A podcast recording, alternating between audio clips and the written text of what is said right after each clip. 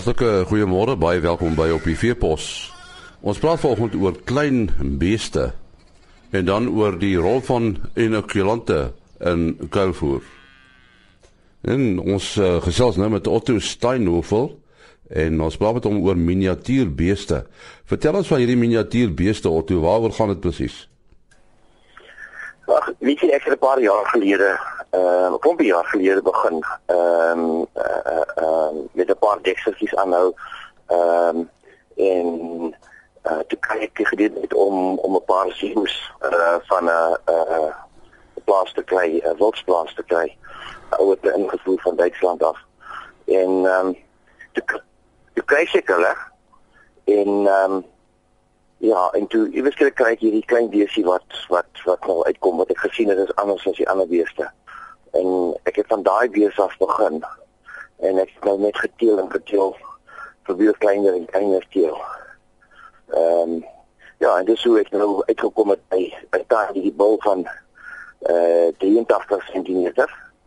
Ehm um, en dan die koeie ook van 77 cm. Ehm um, en dit alles net van uh, kom ons noem dit lynkeling. Uh, sien net weer van wat het jy dit gedeel 'n Dexter en wat? 'n Zibu. 'n Zibu, 'n Zibu en en as ek die Indiese ras, as 'n baie wilde klein ras, dit lyk soos 'n mini eh, soos 'n klein brahmantjie. Ehm um, uh en uh ook het hulle ingevoer die ou van van ehm um, Safari Land. Hy hy het hulle ingevoer en hy het hulle in sy safari park aangehou. Ehm um, en uh, ja, ek het 'n paar 'n paar by hom gekry. Die koei het nooit gekalf nie. So ek het die bil gevat en die bil met 'n Dexter koetjies gekry. En ek dink dit was op my 5de my 5de uh uh ehm um, kalfie. Toe sien ek hierdie so kom 'n uh, uh, 'n kalfie met korte beentjies, 'n klein kalfie. En uh, toe vat ek daai kalf en en toe toe toe teel ek weer terug en terug en terug ehm um, totdat ja, ek nou staan met 'n ehm um, 'n klompie wat nou wat wat nou miniatuur is. So so zebu is hy ook 'n soort van 'n klein bees. Dit is 'n klein bees. Ehm uh, zebu in in in ek ek ek glo dit in in die Indiese taal beteken zebu net wat wat jy nou net gesê het, klein bees. Ehm um, en dit lyk soos 'n brahmantjie. Daar is maar ek ek het net ek het net gehoor van die een die een klompie wat daar was in die land en hulle het almal van hom gekom. Daar is nog 'n paar maar met met, met die inteling en inteling het het die uh die die Zibu ras in in Suid-Afrika baie swak geword. Ehm uh, baie bulle geteel, ehm uh, baie min koetjies geteel. Ehm um, en ek weet nie waar hulle nou is nie. Ek weet die my oorspronklike bil het uh uh, uh wel hy staan nog nie in die Noordwes jy op 'n groot plaas het jy hom al uh, uitgepos en kyk sy kom eendag weer nodig het. Maar hy is uh, ja, dis 'n sieboeg ehm um, en en ehm um, is, is so 'n klein dramaantjie. So hy het 'n bietjie van 'n ekonomiese waarde. Ek ek dink so, né? Ek het aanvraag gekry uh van die boer, die skaapboere. Ehm um, want hulle sien nou dat hulle kan nou besig aanhou saam in hulle uh, in in in hulle skaapkrale. Ehm um, hy spring nie want sy dingetjies is kort. Ehm um, jy hoef nou nie jou 900 mm hoë drade wat hulle vir skaap hou nie. Jy hoef nie nou al jou drade op die plaas te vervang omdat jy besig aanhou nie. So nou kan jy uh, ehm um, as jy nou vallei hierdie vallei het en daai seker goed dat die kos wat die skape ook eet, jy sal hulle uh, uh, eet. So jy kan nou 'n uh, bietjie besig aanhou saam saam met jou skaap. En en hoeveel van hierdie klein beeste het jy? Ehm um, uh, daar is 20 van hulle in die ronde is, van wat ek nou geteel het. Ehm um, ek ek hou net die die klein staan. Ehm um, so uh, by my loop daar op die oomblik ehm um, vyf koeie en en uh, drie bulle.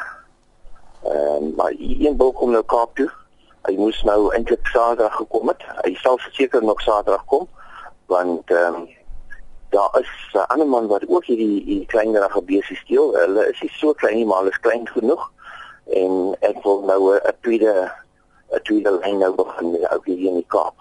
So ek bring nou een van die bulle ehm um, gehad toe en ek hoop net dat sou na die artikel dat die artikel hier en alles dat dat ehm um, uh, dit daar kom nou meer mense uit met klein met, met klein besies. Uh, waar in die Kaap boer jy? Ehm um, ja ek ek is uh, uh, ek bly in die Kaap, ek is 'n naweekboer. Ehm um, ek, ek in Engels is ek van daai one of die uh, boere. Ehm um, so ek het 'n klein hoewe op op op die Beerde vier op Malgas. Ehm um, en dis waar al my diere my, my diere loop. Ehm um, ek weet nie of of of ons al daaroor gepraat het maar ek het nou laas jaar op Agri Mega ehm um, Guinness World Book Challenge gedoen. Ehm um, oor 'n tegniese fout het was ons nie geregistreer nie maar ons het die wêreldse rekord by meter gewen. So ons is 7 mm tonners as jy 'n rekord van die kleinste bil in die wêreld. En dit is hier wat by my loop tiny. Ja, sê daar sê Otto Steinhoffel. Interessante, ja, mens so amper sê 'n stokperdjie wat hy het. Hierdie klein beeste wat hy teel. Ons uh, gesels met Dr. Robin Meeske en ons gaan met hom praat oor die eh, die rol van inokulante in kuilvoer. Dr. Robin Meeske natuurlik van die Outeniqua Navorsingsstasie van die departement uh, die landbou van die van die Wes-Kaap. Uh Robin, uh, vertel ons nou net eers wat is 'n inokulant?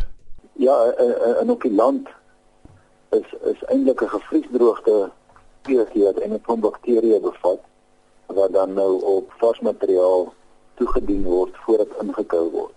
So eintlik is dit melksuurbakterieë en daar kan verskil baie verskillende soorte melksuurbakterieë wees en sommige van die inokulantprodukte bevat ook nou ensieme.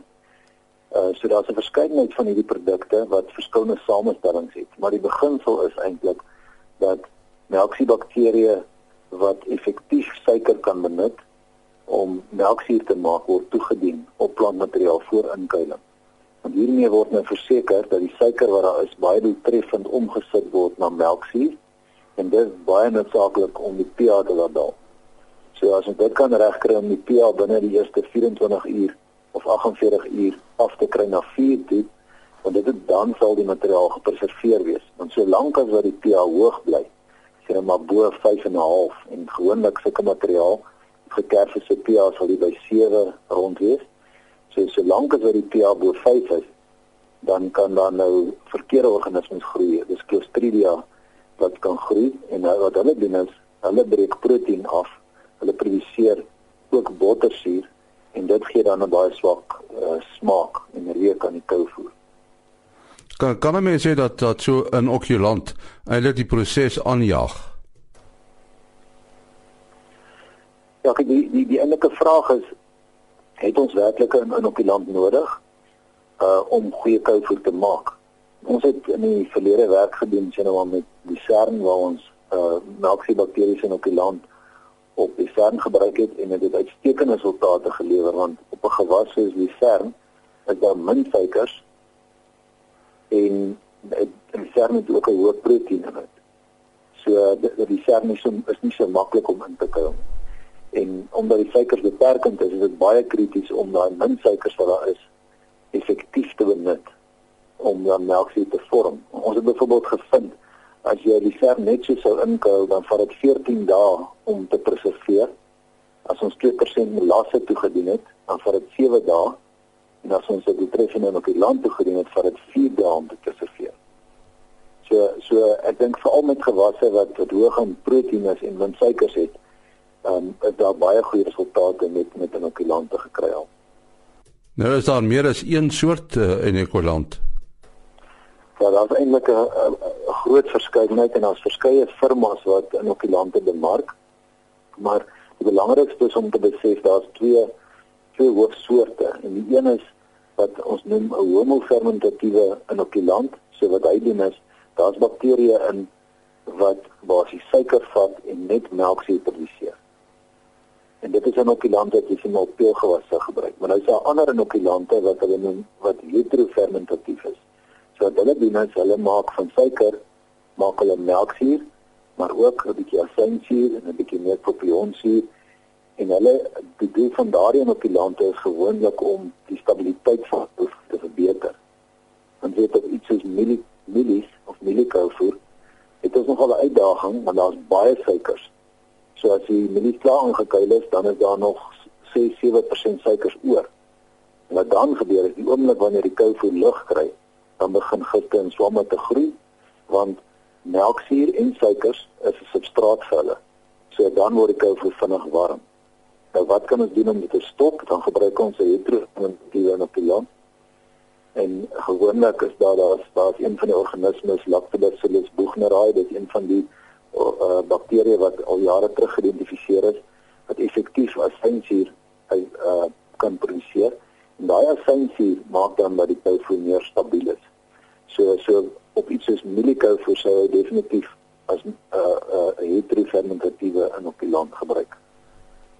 So 'n mens moet deeglik bewus wees wat jy wil inkuil voordat 'n mens nou die inokulant insit. Ja, ek ek dink so en en dan mens moet bewus wees van waar lê jou beperkings, want dit het plase verskil. So 'n mens kan nie sê sê net maar alle mieliekou voer moet uh, met 'n inokulant ingekuil word nie. Want as ek gaan mielies vat en ek sit dit in 'n vles, dan binne 24 ure is daai pH laag maar dit mag wees dat jy 'n probleem het met stabiliteit van koolstof dan gebruik jy nou 'n bymiddel spesifiek om die stabiliteit van die koolstof te verbeter wanneer jy dit uithaal so dit, dit moet dan vir 'n spesifieke doel gebruik word maar wat ook baie belangrik is waar boere nou 'n inokulant oorweeg vind maar uit wat die produk en wat se agtergrond is daar wat publikasies is daaroor want daar is baie navorsing gedoen met van hierdie middels en waarop hulle werk en hoe goed hulle werk. Robin jou telefoonnommer? My telefoonnommer is 082 90 84 110. Sien hom weer. Is 082 90 84 110. Baie dankie aan uh, Dr. Robert Meeske van die Weskaapse Departement van Landbou daar by die Utenikwa Navorsingsstasie. Môreoggend om 4:45 is ons weer op ons pos. Tot dan, mooi loop. Ah.